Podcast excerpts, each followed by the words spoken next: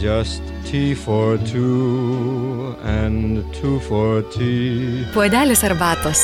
Seklė.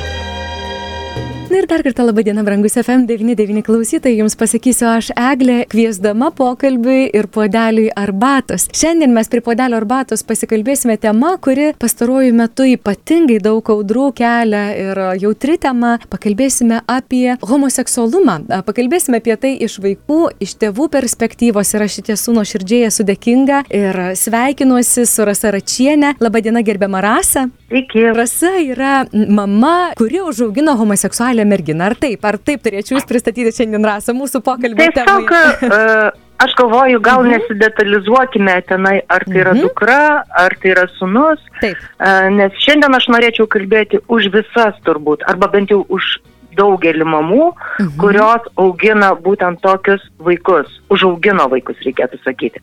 Mano vaikai yra suaugę ir uh, tikrai žinau, kad dar tokių vaikų yra ir kitose šeimose.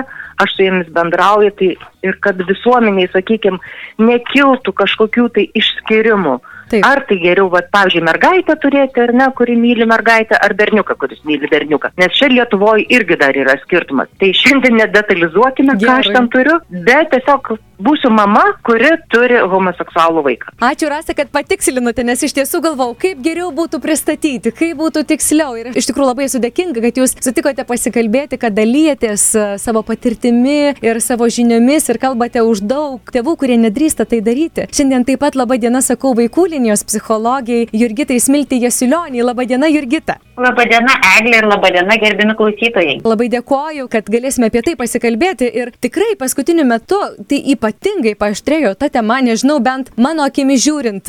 Aš taip tikiu, kad tiem žmonėms, kurie su tuo susiję tiesiogiai, tai turbūt nuolat yra na, tokie paaštrinti kampai iš visuomenės pusės. Bet dabar, na, ypatingai įsisubavo tie pokalbiai ir netgi, ir sakyčiau, tokia smurtinė aplinka ir socialiniuose tinkluose, ir realiame gyvenime. Net ir tiem žmonėms, kurie, na, tiesiog tiesiogine to žodžio prasme galbūt tuo, su tuo nesusiję, tačiau palaiko laisvę, palaiko lygybę, visų mūsų tikrai tenka atlaikyti nemažai tokio keisto iš tikrųjų, mano nuomonė, požiūrio iš, iš tam tikros dalies visuomenės. Tai aš noriu galbūt pradėti nuo jūsų rasą. Štai aš užsiminiau, kad na, va, pastaruoju metu labai labai paštrėjo ta situacija, o iš tiesų, ar jinai tik pastaruoju metu paštrėjo, ar tai yra ilgą laiką, visą laiką ta, ta tokia probleminė tema? Tai kad probleminė tema jinai buvo galbūt visą laiką, bet jinai buvo daug tylesnė. Ir dabar, sakykime, po naujųjų rinkimų atėjus būtent naujiems politiniams veidams į, į Seimą, į valdžią ir iškėlus būtent žmogaus teisų klausimą jau viešai ir visiems, kad priimti partnerystės įstatymą ir pagaliau suteikti teisės tiem žmonėm, kurių iki šiol jų neturėjo. Tai čia Lietuvoje ir kilo tas didžiausias šaršalas, nes tas pasidarė vieša su jau, sakykime, naujo įstatymo parengimu ir tada atsirado tas, va, nu, iš tikrųjų, nu, didžiulė, didžiulė ta banga neapykantos ir nu, to purvo, sakykime, tikrai anksčiau tas buvo taip labai pavieniai, tai dabar tai tiesiog atrodo, kad Lietuva maudosi tame purve, jeigu taip stebėti tą visą situaciją iš šalies ir, ir nu, ir skaitai, sakykim, tas temas. Mhm.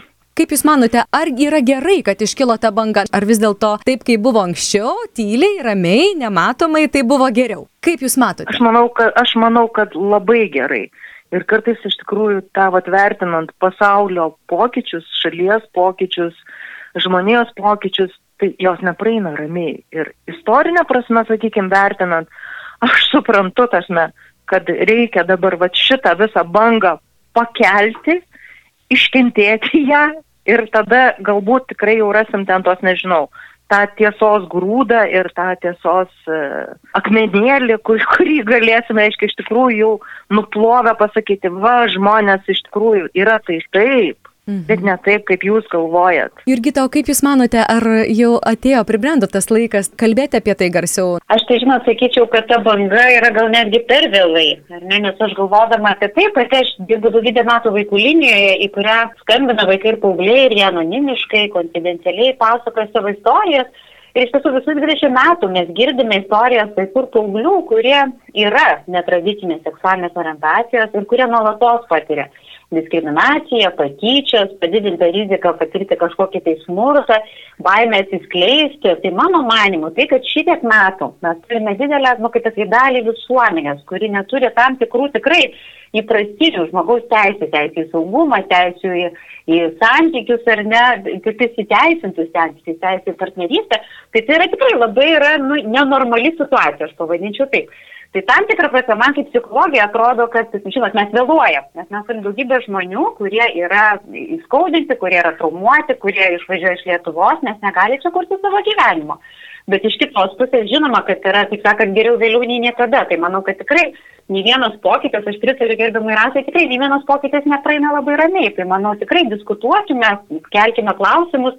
Labai džiaugiuosi, kad ir jūs šitą temą liečiate, nes man rodos, kuo daugiau žmonių išgirs, kuo daugiau žmonių pareflektuos savo nuostatas, tuo greičiau galbūt mes ir perėsim prie tų pokyčių, kurie yra be galo reikalingi. Turėčiau pripažinti, kad iškėliau tą klausimą, kai pati susidūriau, užteko pasidalinti savo socialinėme tinkle nuotrauką, ant kurios uždėjau tą remelį, kad Lietuvoje užteks vietos visiems. Tai net asmeniškai sulaukiau grasinimų grasinimų, kad man šioje žemėje vietos neužteks. Ir tuomet toks sukretimas ateina, kai tu suvoki, kaip taip gali būti. O kaip tuomet toje mūsų gražioje, nedidelėje Lietuvoje gyventi žmonėms, kurie tiesiogiai su tuo susiję, kurie yra netradicinės seksualinės orientacijos ar ne. Tuomet kažkaip, kai paliečia tiesiogiai tave, tada kažkaip supurto ir galvoju, norėtųsi iš tikrųjų, kad nereikėtų laukti, kol kiekvieną žmogų kažkaip palies, nes tada dar ilgiau viskas išsitemptų. Ir Jurgita, jūs užsiminėte apie tai, kad daug metų dirbate vaikų linijoje ir kad skambina vaikai ir paaugliai ir kad jie turi problemą. Ar aš galėčiau klausti jūsų, o kada mes galėtume taip galbūt paskaičiuoti, galbūt daugiau mažiau orientuotis, vaikas jau suvokia, kad galbūt jis iš tiesų, na, netradicinės orientacijos. Na, tikrai būna situacijų tada jau gana ankstyvoje vaikystėje būna vaikai, kurie pastebi, na, kad jie kažkokiu turi kitokių pomėgių negu bendramžiai, arba yra, na, kažkokių tokių skirtumų nuo bendramžiai. Šiaip mes, aišku, žinome, kad kiekvienas vaikas yra, yra individualus ir jis yra skirtingas, gal tik tai kartais mes suaugusiai juos irgi bandome įdėti tam tikrus rėmus, sakyti, kad štai čia yra berniukams, tai čia yra mergaitėms, taip reikia elgtis tau, nes tu esi berniukas, o taip reikia elgtis mergaitėms, nes tai yra mergaitės. Bet taip, aš paprastai, kaip aš suprantu ir ką mes girdime iš vaikų linijos, kad tikrai paprastai nu, tas supratimas vis tiek ateina paauglystėje, kai vyksta intensyvus lytinis brendimas, kai atsiranda uh, meilės santykiai, kai atsiranda prabunda lytiškumas, prabunda seksualumas, atsiranda trauka ir tada na, paaugliai atranda, kad, kad štai mane aš myliu arba aš įsimyliu arba mane traukia tam tikri žmonės, ar ne, ir galbūt tai nėra taip įprasta mūsų visuomenėje. Bet žiūrint retrospektyviai, dažnai kurie dalėsi, nu jo, bet sako, žinot, ir pradiniai klasiai man yra buvusių situacijų, kad aš ten labiau mėgdavau žaisti su mergaitėmis ir tada berniukai tarsi iš manęs tyčiodavosi. Tarsi jie aptinka kažkokių tai skirtumų, galbūt tokių labiau aš vadinčiau lyčių vaidmenų skirtumais, ar ne, kad jie netilpdavo į lytims tam tikrus skirtus vaidmenis. Bet kiekviena istorija, man rodos, yra unikali, kiekviena istorija savaip ir, ir man rodos, kiekvienas net paauglys, jaunas žmogus, augęs žmogus, kuris kuris yra netradicinės seksualinės orientacijos, tikrai galėtų papasakoti savo istoriją, bet sakyčiau, kad tas ryškiausias tai, nu, pabudimas įvyksta būtent paauglystėje. Na, iš tiesų tai nėra drąsu kalbėti, ar ne? E, ypatingai, kai tu matai, kas vyksta aplinkui, kokia emocija, kokie žodžiai, kaip yra reaguojama. Ir mokykloje, kuomet šiai laidai ruošiausi, teko skaityti apie mokyklas, kas vyksta mokyklose, kad ne tik iš vaikų patyčios būna, ar ne, ir iš pedagogų taip pat neretai taip atsitinka. Ir Jurgita, kaip jaučiasi tas vaikas? Vaikas, kai jisai suvokia, kad, na, nelabai telpa į tuos rėmus, kuriuos, kuriuos na, visuomenė deda, kuriuos tradicija deda. Aš suprantu, kad kiekvienas žmogus yra skirtingas, bet e, šiandien mes galime su jumis kalbėti kaip, kaip už vaikų balsą jūs esate, ar ne? Kaip jaučiasi vaikas, kokios emocijos apima, kai suvokia, kad tu, na, nesi tame standarte, kaip, kaip norisi kitiems daugumai aplinkinių. Na, matyt, sakyčiau, tokia pirma reakcija arba pirmas jausmas yra labai didelis nesaugumo jausmas. Ypatingai jeigu vaikai ir paaugliai mato, kad mokykloje yra normalu pasišaipyti iš kitoniško vaiko arba jaučia, kad ir nu, kitoje aplinkoje palaikymo nėra, Tai sakyčiau, pirmas jausmas yra nesaugumas, o tada greta kyla visi kiti jausmai. Tai reiškia ir baime, ar aš galiu kažkam sakyti, ar negaliu sakyti. Nerimas, kas bus, jeigu atsiskleis, atsiskleisiu ar ne. Liūdėsys, kad aš nežinau, kaip man būti, ar ne, arba net toks bejėgiškumas arba beviltiškumas. Tai žinot, aš sakyčiau, tikrai tai yra visa jausmų puokštė, kurie išgyvena vaikai ir paaugliai, supratę, kad jie netitinka kažkokiu tų normų. Tai tikrai, na, kartais būna ypač tai yra užsitęsusios būsenos, tai būna, kad jau skambina paaugliai ir sako, aš nu tiesiog jaučiuosi, man yra taip sunku, kad aš nebežinau nei kur dėtis, nei kur kreiptis. Ir tiesiog kartais atrodo, kad vienintelė išeitis yra pastraukti iš šio gyvenimo. Tai čia ypatingai yra tose situacijose, kai paaugliai, pavyzdžiui, pabando kažkam papasakoti, patiria kažkokį atstumimą, nutrūksta tam tikri brangų santykiai dėl to, kad jie atsiskleidė kažkam. Tai tikrai, na, tokia rizika į, į psichologinės veikatos pablogėjimą šie paaugliai turi labai didelę. O ir šiaip Lietuvoje situacija prasta, ar ne? Pakankamai prasta. Tai yra dar suaštrinama, ar ne? Dar didesnis toks krūvis uždedamas. Mhm. Būtent, mhm. kad, kaip pasakyti, tai čia žinoma, apie tą Lietuvoje prastą situaciją mes daugybę metų šnekam, Taip. kad mes kaip, pavyzdžiui, patyčių mastas yra labai didelis. Taip. Ir tada tikrai na, yra labai didelė rizika, kad jeigu tu neįtilpi kažkokius standartus, į kažkokias normas, kad tu būsi pasirinktas patyčių taikiniu. Tai taip neturėtų būti. Ir tai yra mūsų suaugusios atsakomybė. Kažką padaryti, kad kiekvienas vaikas, nepriklausomai nuo odos spalvos, nuo lytinės orientacijos, nuo, nežinau, religinių įsitikinimų, kiekvienas vaikas būtų saugus mokykloje ir turėtų teisę į pagarbų santykį. Rasa, aš norėčiau jūsų klausti, jeigu jūs galėtumėte papasakoti, o kaip jūs sužinojote, kada jūsų vaikas pasakė, ar pasakė pats apie tai, kad, na, va, yra mama, tokia situacija, yra kitaip. Ar jūs žinote, kaip, kaip įvyko tas suvokimas jūsų vaikui? E, tai aš jau turbūt esu ir viešai tą papasakojusi ir galiu pakartoti dar, kad iš principo, taip šį kartą kalbėsiu apie dukrą, e, tai jinai ganėtinai anksti, sakykime, ištransliavo tą žinutę, kad jai rūpi būtent LGBT žmonės. E, ir jinai netgi buvo pasakiusi, kad aš labai norėčiau dirbti darbą, e, kad jiems tiesiog būtų lengviau gyventi Lietuvoje. Ir tai, kai jinai susirado pirmą savo draugę merginą, tas, na, tai tikrai, nu, šokas be abejo buvo tas vidinis, bet, e, bet jinai to neslėpė, sakykime, ir tas susitikimas, sakykime, su tuo faktu, tai jisai buvo, kaip pasakykime, nebuvo man netikėtas. Ir tai nebuvo pasakymas, o, ten, nežinau, atsisėdimas ar ten laiško rašymas ar dar kažkas. Mano vaikas gyveno tą savo gyvenimą, nes jinai turbūt visada jautė tą pritarimą, kad e, mes ją mylim. Mhm. Ir kad jinai gali būti savimi. Ir jinai gali būti savimi netgi su savo, sakykime, tą vat, netradicinę orientaciją. Mhm sakykime, sužinojimas jau, kai aš tiesiog vieną kartą važiavau jos pasiimti vakare, tas manęs neužtruko mieste ir, ir kai pamačiau dvi merginas apsikabinus, aš supratau, kad tai yra tai. Štai... Tiesiog, kad tai jau nebėra jos draugė, tas bet tai yra draugė daugiau. Ir, mhm. ir viskas. Tik tai man tas buvo šokas, kaip dabar su tuo reikės gyventi. Kaip jums reikės gyventi, kaip jai reikės gyventi. Taip. Mhm. Štai ras, jūs susiminėte apie tai, kad e, vaikai jautė, kad gali būti tokie, kokie yra jūsų šeimoje. Bet jums vis tiek buvo tai šokas. Aš asmeniškai irgi pažįstu žmonių, kurie slepia nuo tėvų ir visą gyvenimą nugyvena slėpdami ir nepasakydami. Yra žmogus, kuris atsiskleidė savo tėvams ir atrodytų lyg ir viskas tvarko, lyg ir viskas gerai, tačiau iš tėvų pusės būna tokių silpnumo momentų, kai, na, tiesiog prasprūsta, na, kodėl tu negali būti būti kaip visi, kodėl tu negali būti normalus ar normali. Na, va, tokie yra pasakymai. Ir, ir tada tu suvoki, kad kažkaip tai gali būti, kad tėvai gali labai stengtis tai su tuo susitaikyti, na, kažkaip tai priimti iš tikrųjų, bet ar iš tikrųjų pavyksta ir ar visada pavyksta, kaip jūs matote, tikrai giluminiai tai priimti, suprasti ir su, na, su tuo susigyventi, kad kitaip nebus, kad yra taip. Tam reikia laiko, E, kad, kad gali priimti, sakykime, tai aš pasistengiau kaip ir iš karto, man atrodo, nu, tiesiog nekvesionuoti to klausimo, kad gali būti, sakykime, vaikinas, nors iš pradžių taip atrodė, nu gerai, paauglystė čia dar kažkokie tai ieškojimai, bet iš kitos pusės aš žinau, kad nu niekada to savo vaiko nespausiu ir ne, ne, nu, nereikalausiu, kaip sakant, atsivesti dabar berniuko į tos namus. Ne, tas manęs, nu, tiesiog yra kaip yra. Va, ir man, sakykime, kad e, visiškai susitaikyti su tuo ir susigyventi turbūt prireikia kažkur tai, nu, vat ketverių metų, aš taip skaičiuoju. Mhm. E, ir šiandien dienai, tas, na, man jau nebėra absoliučiai jokio skirtumo. Ir netgi nežinau, uh, bet kokioje situacijoje ir mano šeimoje ar kitoje šeimoje aš sužinočiau faktą, kad žmogus žm myli žmogų, man lytis šitoj vietoje, kaip sakant, nebesvarbu. Aš jau priimu to žmonės absoliučiai, nes taip yra, tai yra natūralu gamtoje ir jie nusipelnė lygiai tokių pačių, kaip sakant, pagarbos meilės ir vietos šitam pasauliu. Ir Gita, aš galėčiau jūsų klausti štai apie tą atstumimo momentą ir apie momentą, kai žmogus susivokia, bet neatsiskleidžia. Kaip jaučiasi toks žmogus, sakykime, jeigu jis nuo paauglystės, nuo vaikystės e, tą žino, jaučia, supranta ir nesako, nepasako, gal bijo, yra kažkokios kitos priežastys.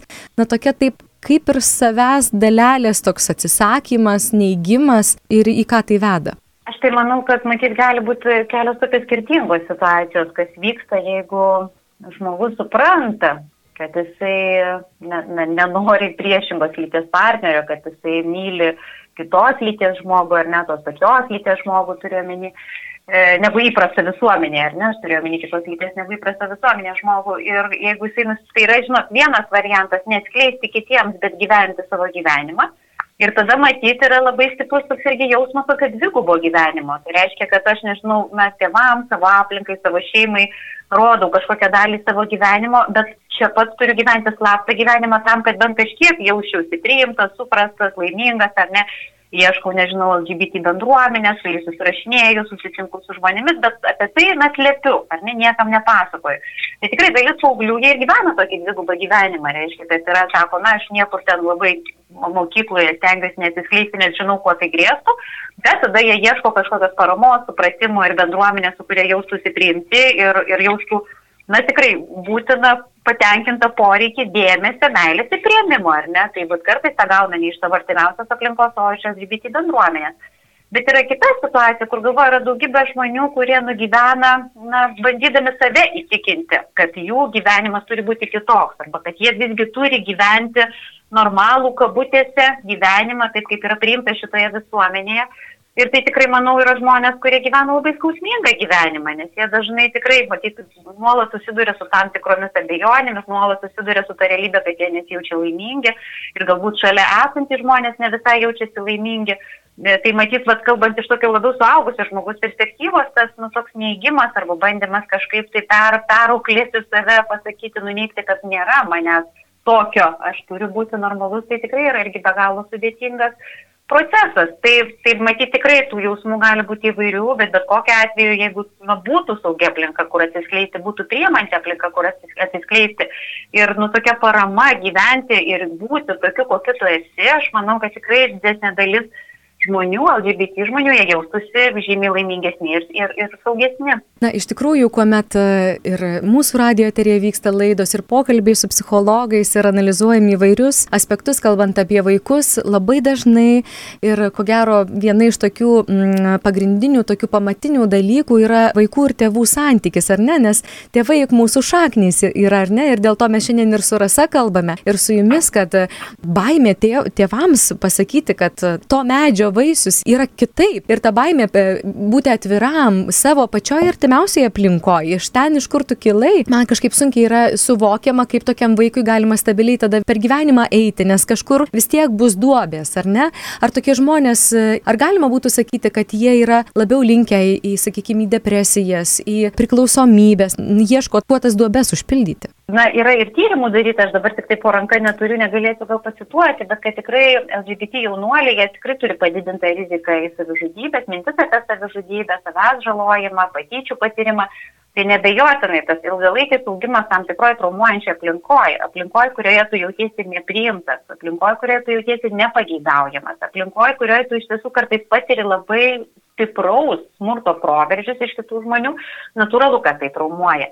Klausimas, aišku, kas vyksta po to, ar ne, ar žmogus gali gauti pagalbos, ar jisai kažkaip gali perdirbti, yra Žinau irgi visokių istorijų, kai žmonės na, iš, iškeliavę iš Lietuvos ir galintys kurti tokį gyvenimą, tokį kaip nori, jie tikrai, na, kaip sako, užglaisto tas vaikystės žaizdas, ar ne, ir galėdami bent nu čia ir dabar būti laimingi, kurti santykius tokius, kokius jie nori, tikrai jaučiasi ir, ir saugesni, sveikesni ir ne, neturi kažkokių labai ne, ne, negatyvių ten e, emocinių pasiekmių, ar ne, arba psichikos sveikatos pasiekmių.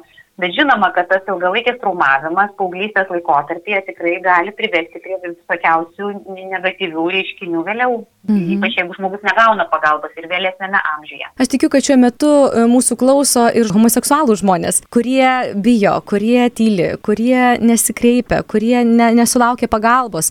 Tai šiuo atveju aš labai kviečiu kreiptis, e, kad ir į tą pačią vaikų liniją. Ar jūs galėtumėte, Jurgita, pasakyti numerį, kur galima kreiptis, kur galima sulaukti pagalbos, pagaliau pokalbį įsikalbėti? išsiventiliuoti tas mintis ir, ir, ir jausmus susikaupusius? Tai tikrai aš drąsinčiau e, tiek jaunus žmonės, tiek suaugusius žmonės tiesiog kreiptis pagalbos.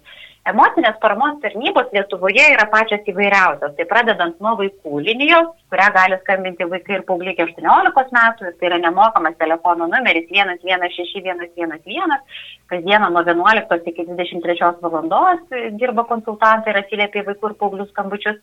Bet taip pat yra jaunimo linija skirta jauniems žmonėms iki, nežinau, 30-35 metų amžiaus, kas jaučiasi jauni ar ne, ir gali skambinti. Yra vilties linija skirta suaugusiems žmonėms. Mes turime tėvų liniją, kur dirba puikus psichologai ir taip pat gali atliepti į tėvų nerimus, jeigu jie, nežinau, nežino, kaip reaguoti, kaip palaikyti savo vaiką, kaip jam padėti. Tai tikrai pagalba yra, tik tai labai svarbu yra kreiptis ir, ir netylėti.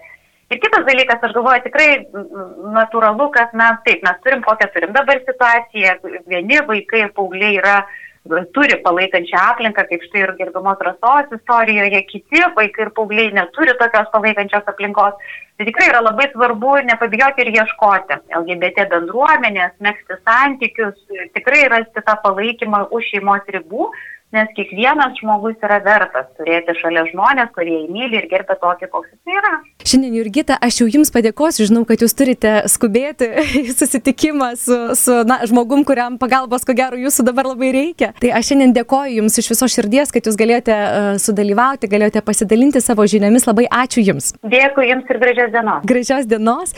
Na, o Rasa, jeigu galėčiau dar pratesti pokalbį su Jumis, užsiminiau, kad uh, klauso įvairių žmonių uh, ir mūsų radijo radijos stoties ir galvoju, kad yra tokių, kurie galbūt dabar šiuo metu užsuko radio imtuvą, galbūt yra tokių, kurie pyksta dabar apie ką čia ta na, laida vyksta. Ar mes galėtume tokių paimti, sakykime, keletą frazių, keletą tokių pagrindinių minčių, kurios sklando būtent iš tos opozicinės e, pusės ir, ir juos aptarti. Ar galėtume? Be abejo. Na pavyzdžiui, nekartą teko girdėti, na tai kogi čia dabar jie viešinasi, ar ne, tai gyventų savo ramiai, niekamgi net netrukdo, ar ne, ir niekamgi čia nerūpi, kas su kuo miega. Tai tas e, argumentas, kad čia ne, nėra kalba apie, apie miegojimą, ar ne, tai tą supaprastinimą, visiškai sumenkinimą eina kalba apie santykį, apie jausmus, apie meilę, apie žmogaus prigimtį, nelabai veikia. Ką jūs e, tokiems žmonėms žmonėms, žinau, kad jums tenka diskutuoti nemažai ir kalbėti. Koks yra toks atsakymas tokiems žmonėms, kurie sako, nėra čia ko, tegul savo tyliai ramiai gyvena ir niekam čia netrukdys ir, ir bus viskas gerai ir nereikia čia jokius maršus, eiti paradus ir panašiai. Jo, tai tas, tas nesidemonstruokit visada slepia tą, Taip. aš nenoriu tai jūs nieko žinoti aš nenoriu, kad jūs būtumėt, aš, aš, aš, aš tiesiog nepriimu šito pasaulio ir viskas. Bet pasaulis nėra, kaip sakant, tik tai mano kiemas, perkeltinė ar kokia tik tai norit prasme kalbėti. Pasaulis yra daug platesnis ir tikrai mums galbūt ne visiems įmanoma priimti jį tokį, koks jis yra. Aš pilnai suprantu netgi ir e, savotiškai užjaučiu tos žmonės, kurie, kurios piktina šitą temą. Nes jie bijo kažko tai bet jie bijo iš principo tų vaikų, kurie, vat, nežinau, su jų vaikais laksto kieme, eina į mokyklą, e, lanko burelius ir viskas. Jie bijo šitų vaikų. Yra visada kažkoks tai mistinis įsivaizdavimas, nežinau, ten tų šokančių odinėmis kelnėmis aptemtų kažkokių vyrukų. Ne, tai yra tie vaikai, kurie dabar va čia kieme žaidžia. Mhm. Arba mokosi kartu. Tai mes tėvai ir stovime už tuos savo vaikus, mhm. demonstruodamėsi, kad mes esame, mes esame čia. Ir mes norim, kad mūsų vaikai būtų laimingi, kad jiems nereikėtų, vat, kaip ir Jurgita minėjo, ar ne, gyventi to kito kažkokio gyvenimo, priimtino jums, mano kaimynai. Ne. Tas jis nori būti savimi. Ir jeigu jūs šiandien dar negalit šito suprasti, tai truputėlį patilėkit dabar. Vat man norėtųsi pasakyti taip. Mhm. Bet jūs suvokit, mūsų žmonės, kurie mes jau turim, mes jau priėmėm. Ir pasaulyje yra ne viena šalis, kuri priėmė tos žmonės. Jo, galbūt dabar sklando man tas irgi kitas komentaras, tai jūs išvažiuokit iš Lietuvos. Taip, ir tenka išgirsti, ar ne? Tenka išgirsti tokių dalykų. E, mano dukra po, po visų šitų įvykių pasakė, kad prieš tai jinai niekad, e, aš jos klausavau, e, su iš savo, sakykime, baimės daugmaž, nu, gal, gal vertėtų pagalvoti apie bet, gyvenimą paskui, sakykime, kažkur svetimoje šalyje. Jis sakydavo, ne, mama, aš, aš noriu gyventi Lietuvoje. Po šitų įvykių nesakė, aš jau dabar planuoju ieškotis šalies, į kurią aš galėsiu turbūt išemigruoti. Na, iš tiesų labai skau, tai- skausmingi dalykai, nes atrodytų ir taip mūsų Lietuva maža. Ir taip mes, atrodo, turėtume tai kumštis, ar ne, vieni kitus palaikyti, vieni už kitus būti. Ir štai tokios kovos e, vyksta. Taip, sakykime, mhm. tie vaikai yra talentingi, tie vaikai yra uh, besimokantis ir aukštosiose mokyklose ir visur. E, tai yra, nu, nu, tiesiog tie vaikai, kurie yra, kuriuos jūs pažįstat arba nepažįstat. Tai jie nėra kažkokios atmatos, jie nėra kažkokie, tai nežinau, išsigimėliai, kaip klyjuojamos ten į tos visos etiketės. Ką man kaip mamai nu, labai skauda pasakyti garsiai į eterį. Bet jie yra tie vaikai, kurie, nu, yra ir tarp lyderių, jie yra tarp vidutiniokų, jie yra visokių. Ir visų, man atrodo, mums jų reikia. Nes jie gali tikrai kurti tą gėrį leiskim jiems turėti ir tos santykius tada su tais žmonėmis, kuriais jie nori būti.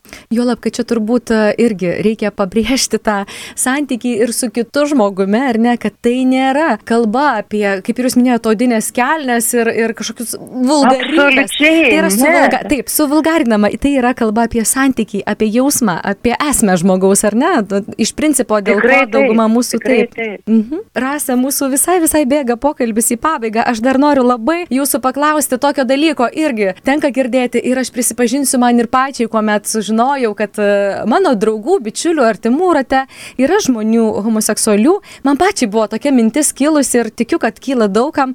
Na tai o gal tu pamėgink vis dėlto. Na jeigu tu vaikinas, tai su mergina, na sukurt santyki, pamėgink, gal tu, ar ten jeigu tu mergina su vaikinu, o galgi vis dėlto iš tikrųjų taip nėra. Kiek tai yra rožiniai akiniai ant, ant akių? Čia gal ne rožiniai, gal čia jau pilkė akiniai, nes iš tikrųjų, nu, aš galvoju, mes tiesiog pagalvokim vienas apie save, nu, kas mus traukia.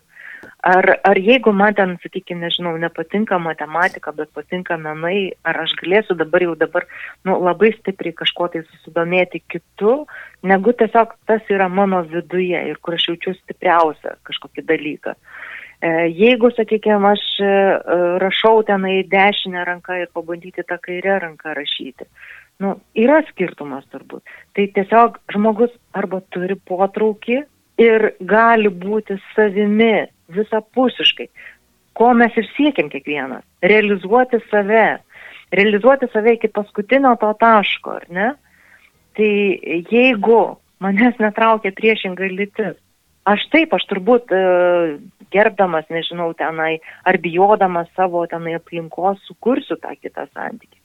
Bet ar aš būsiu laimingas? Ir ne tai tik pats, bet ir tas žmogus, su kuriuo būsi, ko gero, ar ne? Čia jau, jau tai čia, čia, taip. Čia tiesiog -hmm, sukursime taip. dar krūvą, taip. nu tą nelaimingųjų grandinėlę. Tai tiesiog mm -hmm. leiskime tiem žmonėm būti savimi. Leiskim jiems kurti savo laimingus santykius irgi negaliu nepastebėti, teko skaityti internetinėje erdvėje, ten dabar ypatingai didelė laisvė reikšti savo pozicijas, kad ir kokios jos bebūtų, tai tada kažkaip pradedi galvoti, o gal vis dėlto laisvę reikėtų šiek tiek apriboti tuo atžvilgiu. Na, bet sakykim, čia, čia yra kita tema, bet e, teko net skaityti, kaip žmogus prisistatantis e, kunigu cituoja Koraną ir didžiausias e, paklodės Korano skelbia būtent internetinėje erdvėje, būtent apie homoseksualius žmonės, kaip juos reikėtų iš, išbraukti ir kaip ir Dievas ir ten, kuo jie ten tiki, jų nepriema, kad tai yra negali būti. Tai iš tikrųjų, na, tokie dalykai kraupinantis. Ir jūs esate mama, yra tokių tėvų tikrai daug, yra irgi linija, yra grupė turbūt kažkokia ar ne, tėvų, kurie susibūrė, kurie irgi dalyjasi, nes nepaslaptis, tėvai už savo vaikus išgyvena turbūt nėra didesnio užgyvenimo kaip išgyvenimas už vaikus savo, ar ne? Tai Tikrai. tie susibūrimai, ar jūs galėtumėte pasidalinti informaciją tiems tėvams, kurie klauso dabar, ar jie turi galimybę irgi kažkaip jungtis, bendrauti? Taip, tai tiesiog, sakykime, yra ir tame pačiame Facebook'e LGBT artimųjų grupė, į kurią galima, kaip sakant, aplikuoti ją pasiprašyti, yra taip pat e, išgirsti, taip vadinasi, ko, net nepasakysiu, bendrovė ar ne, kurie, kurie padeda būtent e, šitiems e, tevams auginantiems netradicinės orientacijos ir tapatybės žmonės, vaikus. Tai Tai sakyčiau tiek, tasme, ir mes turime ir virtualius e, susitikimus, tikimės vat, ir jau gyvų kartą per mėnesį, mes tikrai bendraujam, mes daliname savo išgyvenimais, mes stiprinam vienas kitą, tai, tai va, tai tiesiog įsivedusi paaišką išgirsti arba tiesiog Facebook'e susiradus LGBT artimųjų grupę, manau, kad jūs tikrai rasite pagalbos ir bendraminčių. Rasa, šiandien iš viso širdies dėkoju Jums už pokalbį. Labai ačiū, kad Jūs kalbate, kad netylite ir kalbate šiuo atveju daugelio tėvų lūpomis ir išdrįstate tai padaryti. Beje, ar drąsu buvo pradėti kalbėti apie tai? E, drąsos man galbūt užtenka, tik tai yra skausminga. Mhm. Ir tikrai aš nesijaučiu, sakykime, čia kažkokia tai labai įžuli, lyzdama ir aš nesidemonstruoju, tai va tą irgi norėčiau pasakyti. Aš jaučiuosi iš principo kaip truputėlį pasmeigta ant to iešmo ir čirškinama. Bet aš žinau, kad aš esu mama ir man tai yra stipriau už viską. Mm. Ir čia yra mano argumentas.